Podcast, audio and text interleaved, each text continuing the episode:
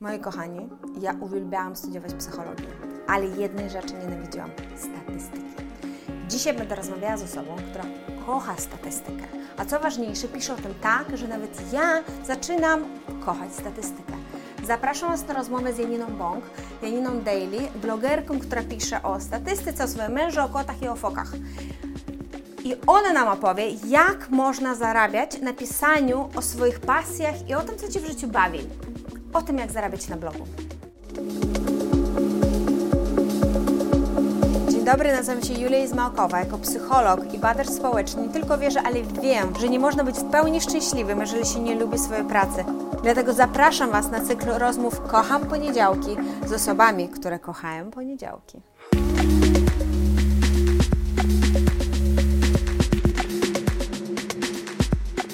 Jaka jest różnica między takim hejtem, e, negatywnym komentarzem, a feedbackiem?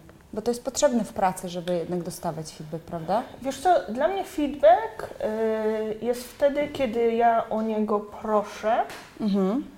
y, i kiedy on jest merytoryczny, jeśli jest związany z, z takim jakby najważniejszą częścią mojej wypowiedzi. Jeśli ja mam wykład na temat statystyki i ktoś mi napisze, że o, on w sumie to by nie użył tego modelu prawdopodobieństwa, tylko bajezowskiej koncepcji, no to to jest Uwielbiam jak tak sexy talk, wiesz, Majezewski, okej. E, No ale to jest merytoryczne, w Tak. sensie możemy o tym podyskutować, ale odnosi się tylko i wyłącznie do treści mojego wystąpienia. Rozumiem. Em, a jeśli ktoś e, komentuje, nie wiem, e, mój wygląd, albo to właśnie, że popełniłam błąd językowy, no to można mnie poprawić. Tylko ja mam problem w internecie z tym, że wiesz, jeśli chcesz kogoś poprawić, to możesz napisać mu ładną, prywatną wiadomość, że cześć, popełniasz taki błąd, a możesz mu napisać taki pasywno-agresywny komentarz pod tytułem, ja ostatnio dostałam taki komentarz, yy, zrobiłam jakąś literówkę i ktoś mi napisał, naprawdę taka literówka, jestem zniesmaczona. Nie, Tak. Jezus Maria. Zniesmaczona! I ja oszalałam. I ja mówię, kurczę, no to po pierwsze to nawet mi nie powiedziałaś, gdzie jest ta literówka, więc jeśli naprawdę chcesz, żebym popełniła swoje, y, poprawiła swoje błędy, to powiedz mi, gdzie one są. Tak. A jeśli piszesz komentarz, że jesteś zniesmaczona i nic więcej, to nie zależy Ci na tym, żebym ja te błędy poprawiła i nie piszesz tego po to, żeby e, świat był językowo lepszy, tylko tak naprawdę chcesz się poczuć lepsza, bo ktoś popełnił błąd w internecie. Czy tak jak psychologowie mówią, że w każdej wypowiedzi najważniejsza jest intencja. Tak. Intencja i w przypadku krytyki tak naprawdę, krytyki czy uwagi zwrotnej, e, dobrą zasadą jest zawsze zapytać, czy ktoś chce to usłyszeć. Tak, tak. I, że, I zaakceptować fakt, że ktoś nie chce. To ma być e, merytoryczne i to ma być konstruktywne. Tak. E, nie może być tak, że mój feedback powoduje, że ja czuję się lepsza od tej drugiej osoby. Jasne. Bo- bo- Ja jestem okej, ty jesteś okej. tak, dokładnie. W każdej pracy, czy ze studentami, czy na scenie, czy na swoim blogu, jesteś zawsze narażona na jakieś opinie. Tak. Zawsze. A, a ludzie są, zwłaszcza w naszym kraju, zawsze czują, że się, na wszystkim się znają. Są ekspertami, plus uważają, że mają prawo. Tak. Samego faktu, że Cię obserwują, mają prawo. Tak. I wiesz, i wiele ludzi nie zaczyna robić takich swoich rzeczy, które bardzo by chciała, z lęku przed takimi opiniami i krytykami. Ja chciałam wiedzieć, jak Ty sobie z tym radzisz. Ja na pewno to totalnie rozumiem, znaczy taki lęk, e, bo też go miałam. Jeśli mogę cokolwiek, kogokolwiek pocieszyć, mm, to ten hejt albo taka krytyka, ona przychodzi później. Znaczy, jeśli zaczynamy. Nie, no poważnie, jak zaczynamy, jeśli jesteśmy jeszcze małymi żuczkami, e, no to ci ludzie, którzy chcą nam dokopać, się najczęściej Tak. nami jeszcze nie interesują. Zawsze pada w pewnym momencie wolność słowa. No, No tak, no tylko je- masz wolność słowa, ale czy naprawdę, co by było, jakby świat tak wyglądał, żebyśmy chodzili po ulicy i mówili i zachowali się tak jak w internecie, czyli mówili absolutnie wszystko, co myślimy. I chodzili po ulicy i podchodzili do obcej laski i mówili, masz fatalną sukienkę. prawda powiedziana złe intencje z agresją. No to, to I- jest to, no. I że, I że trzeba powiedzieć prawdę z dobrą intencją, w dobrym momencie i wtedy, kiedy osoba jest gotowa ją usłyszeć, Tak. po to, żeby ją przyjąć. Chciałam Ci powiedzieć, że to, co Ty kochasz najbardziej, spowodowało, że niemal nie umarłam kiedyś. Ale, y, bo ja kocham wiele rzeczy, węglowodany, to- statystyka, No męża tak. bardzo. Ja wiem, ale mówię jedna z tych trzech. Zgadnij, co to jest. To pewnie statystyka, bo wszyscy tak mówią. Słuchaj, ja uważam, że ja urodziłam się, żeby studiować psychologię. Kocham ją totalnie, ale muszę Ci powiedzieć, że na zajęciach ze statystyki myślałam, że umrę. Znaczy, że w trybie, znaczy na szczęście piszemy to, że jak możemy, to będzie zbiorowo. Tak, wszystkie 40 osób naraz. I tak mnie zastanawia, no, no e, Ciebie też matematyka, mimo że Ty byłaś dobra, mówiła, że niespecjalnie fascynowała. No co Ty takiego znalazłeś w tej statystyce? Um, wiesz co, ja bardzo często dostaję właśnie takie wiadomości, jak Ty właśnie teraz powiedziałaś, że o mój Boże, tak. statystyka kojarzy mi się z największą traumą na studiach. No, no. Um, I bardzo często też ludzie mówią, że oni się do tego nie nadają, że nie są umysłem ścisłym itd. Ja w ogóle nie przyjmuję czegoś takiego. Znaczy, ja uważam, że nie ma głąbów matematycznych, są tylko źli nauczyciele. Twój blog jest na temat Twojego męża, no. kota, foczek i statystyki. Tak.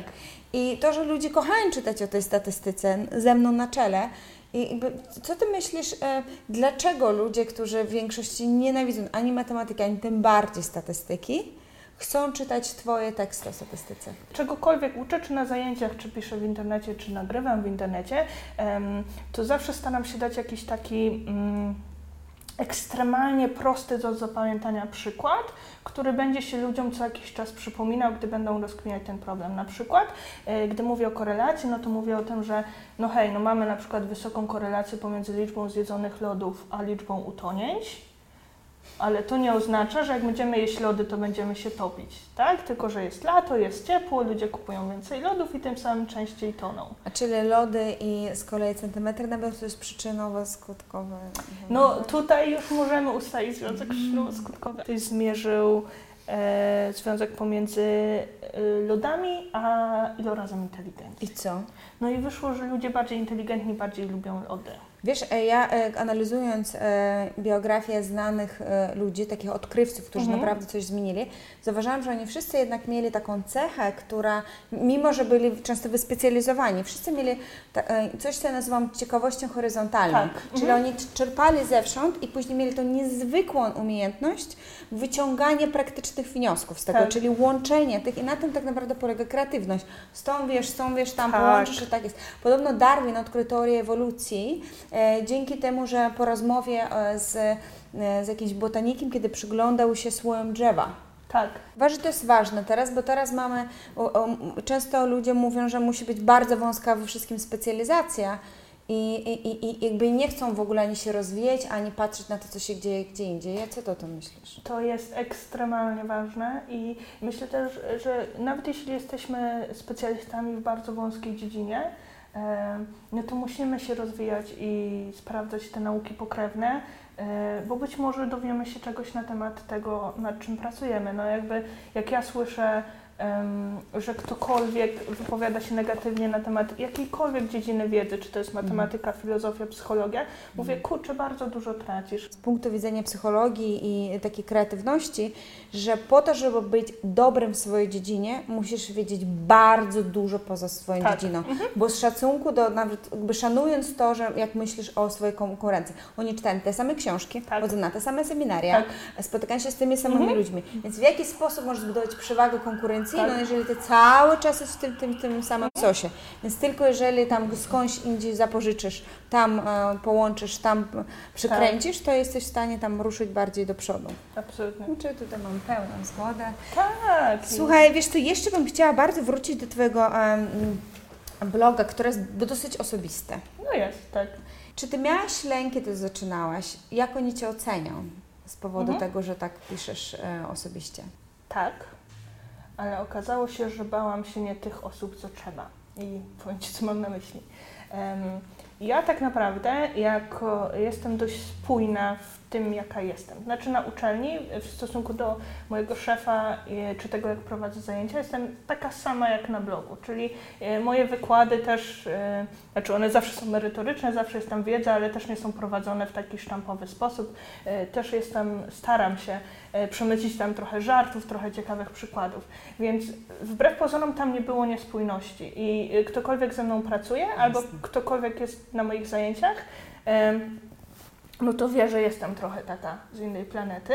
E, mój szef też to wie i ludzie, którzy ze mną współpracują też to wiedzą, e, więc tutaj nie było żadnego kłopotu. W pewnym momencie miałam kłopot tego typu, e, że ludzie, którzy mnie czytali i którzy mnie oglądali na konferencjach, zaczęli mnie traktować tylko jako śmieszka i klauna do zabawiania ludzi. W sensie, że potrafili podejść do mnie po konferencji i powiedzieć, że są bardzo zaskoczeni, że powiedziałam coś merytorycznego, bo myśleli, że będę tylko śmieszkować.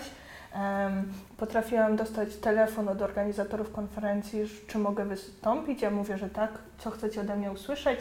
E, a oni mówili, że w sumie nieważne, byle było śmiesznie. No, i, e, I miałam rok temu bardzo duży kryzys z tym związany. To wymaga pewnej asertywności, e, której kiedyś nie miałam.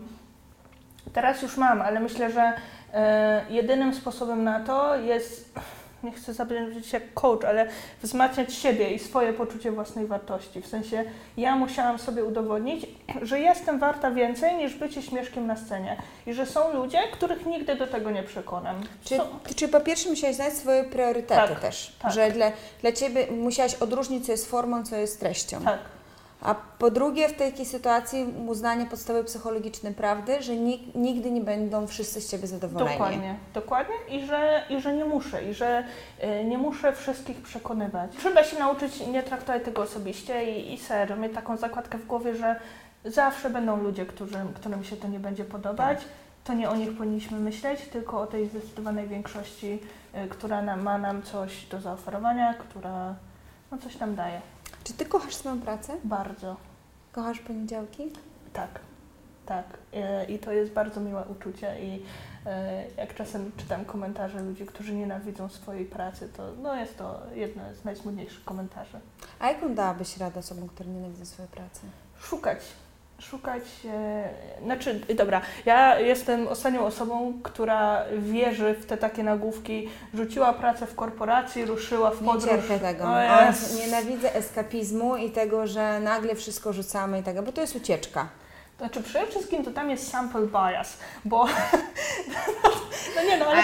I oczywiście tam jest sample bias, bo ja lubię naprawdę twój sexy talk, to jest wiesz, tak sample bias. Ja to nazywam ucieczką i żenadą, ty nazywasz to sample bias. Jakkolwiek się zgadzamy, że to nie jest e, jakoś pociągające dla nas. Znaczy chodzi, chodzi mi o to, że jasne, jest jedna osoba, która rzuciła pracę w korporacji. Której się udało. Dokładnie. Ile nie wiemy, których się, się nie udało lub nie Dokładnie. Tak, ja prowadzę takie streszcie Traveling Search. Pół roku zarządzam, tak. e, podróżując po całym świecie.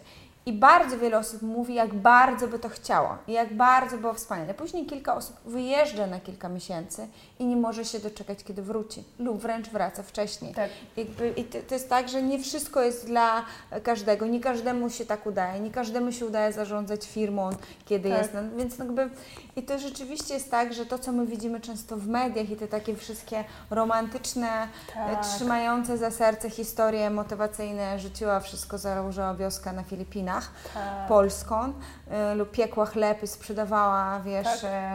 E, pierogi na Brazylii. No, no, no. No to tak naprawdę my nie wiemy, ile się nie udało, ile, ile tak. tak naprawdę okazuje się, że wcale tego nie chce. Bo czasami trzeba coś zrobić, żeby się przekonać, czy chcesz, czy nie chcesz tego e, robić. Ja myślę, że tak, no, że, że y, bardzo nie podoba mi się właśnie taka propaganda sukcesu i tego, że każdy może odmienić swoje życie w sekundę, bo to tak nie działa. Tak Kiedyś nie działa. w Gazecie Wyborczej był taki cykl, nie pamiętam jaki miał tytuł, ale polegał na tym, że przedstawiali um, historię małych biznesów, które się nie udały. Tak. E, ludzie, którzy e, rzucili pracę właśnie w korpo, otworzyli cukiernię, która dobrze sobie radziła przez rok, a później e, nie wyszła. Świetny cykl. On był niestety bardzo krótki, ale ja go czytałam, czekam na każdy odcinek, bo on właśnie był taki prawdziwy i pokazywał, że no niestety, no, sukces jest wypadką bardzo wielu czynników, tak. w tym szczęścia. To, co odróżnia ludzi, którym, którzy w pewnym momencie zaczęli lubić poniedziałków, E, poniedziałki, to to, że się nie poddają. Znaczy nie wychodzi jeden biznes, nie wychodzi jedna potencjalna ścieżka życiowa czy kariery, to, to szukają dalej. E, I myślę, że do tego bym namawiała ludzi, że na pewno nie rzucać z dnia na dzień robotę i otwierać tak. E, ciastkarnię. Um, Też jak są dobre. No jak są dobre, to, to, to, to można wysłać najpierw nie zaprosić na otwarcie. Przyjdziemy co? Razem. E, ale, ale szukać właśnie. Szukać. I, i, I, nawet, nawet jeśli stwierdzimy sobie pewnego dnia, hu, chciałbym się dowiedzieć więcej o ekonomii behawioralnej i zaczniemy czytać o tym książki, nie, nie wiemy, może pół roku później założymy bloga, a rok później będziemy na tym blogu zarabiać albo Albo 10 lat później. albo i 10 lat później. Nie wiemy tego po prostu. Lubisz czasami być taką ciocią, klocią, która daje radę? Właśnie bardzo już z tym walczyć. Tutaj Cię poproszę o radę, co to Dobra. na to? E, zrobiłam taki research na temat tego, jakich rzeczy ludzie nie lubią na temat swojej pracy i o jakie rady proszą. Jest to prawdziwy cytat z internetu. Okej. I Sylwia e, mówi tak. E, planuję tworzyć własną, e, własną szkołę angielskiego, ale od kilku miesięcy szukam odpowiedniego lokalu. Jeszcze nie znalazłam takiego, który spełnił wszystkie moje oczekiwania. Więc nie wiem, ile czy to potrwa i czy w ogóle mi się to uda. E, bo często ludzie mają taki problem, że mają tak wysokie oczekiwania, że ciągle coś odkładają.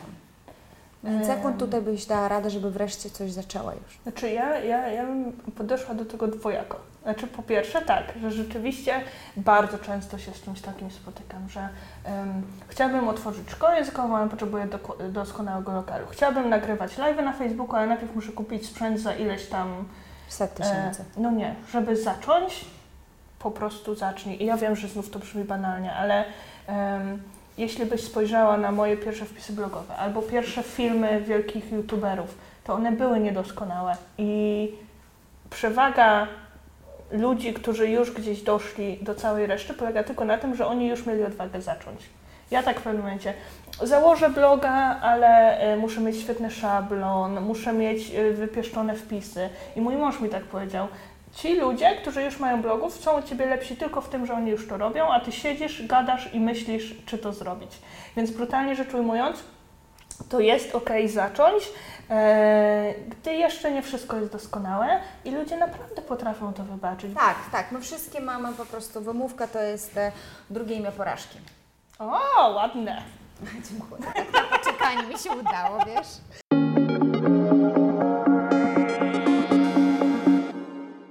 Myślicie o tym, co powiedziała Janina i o jej doświadczeniu, że trajektoria ruchu kariery jest tak naprawdę niekoniecznie liniowa, że można co chwilę coś zmieniać, jeżeli tylko tego chcemy? Podzielcie się proszę swoimi doświadczeniami.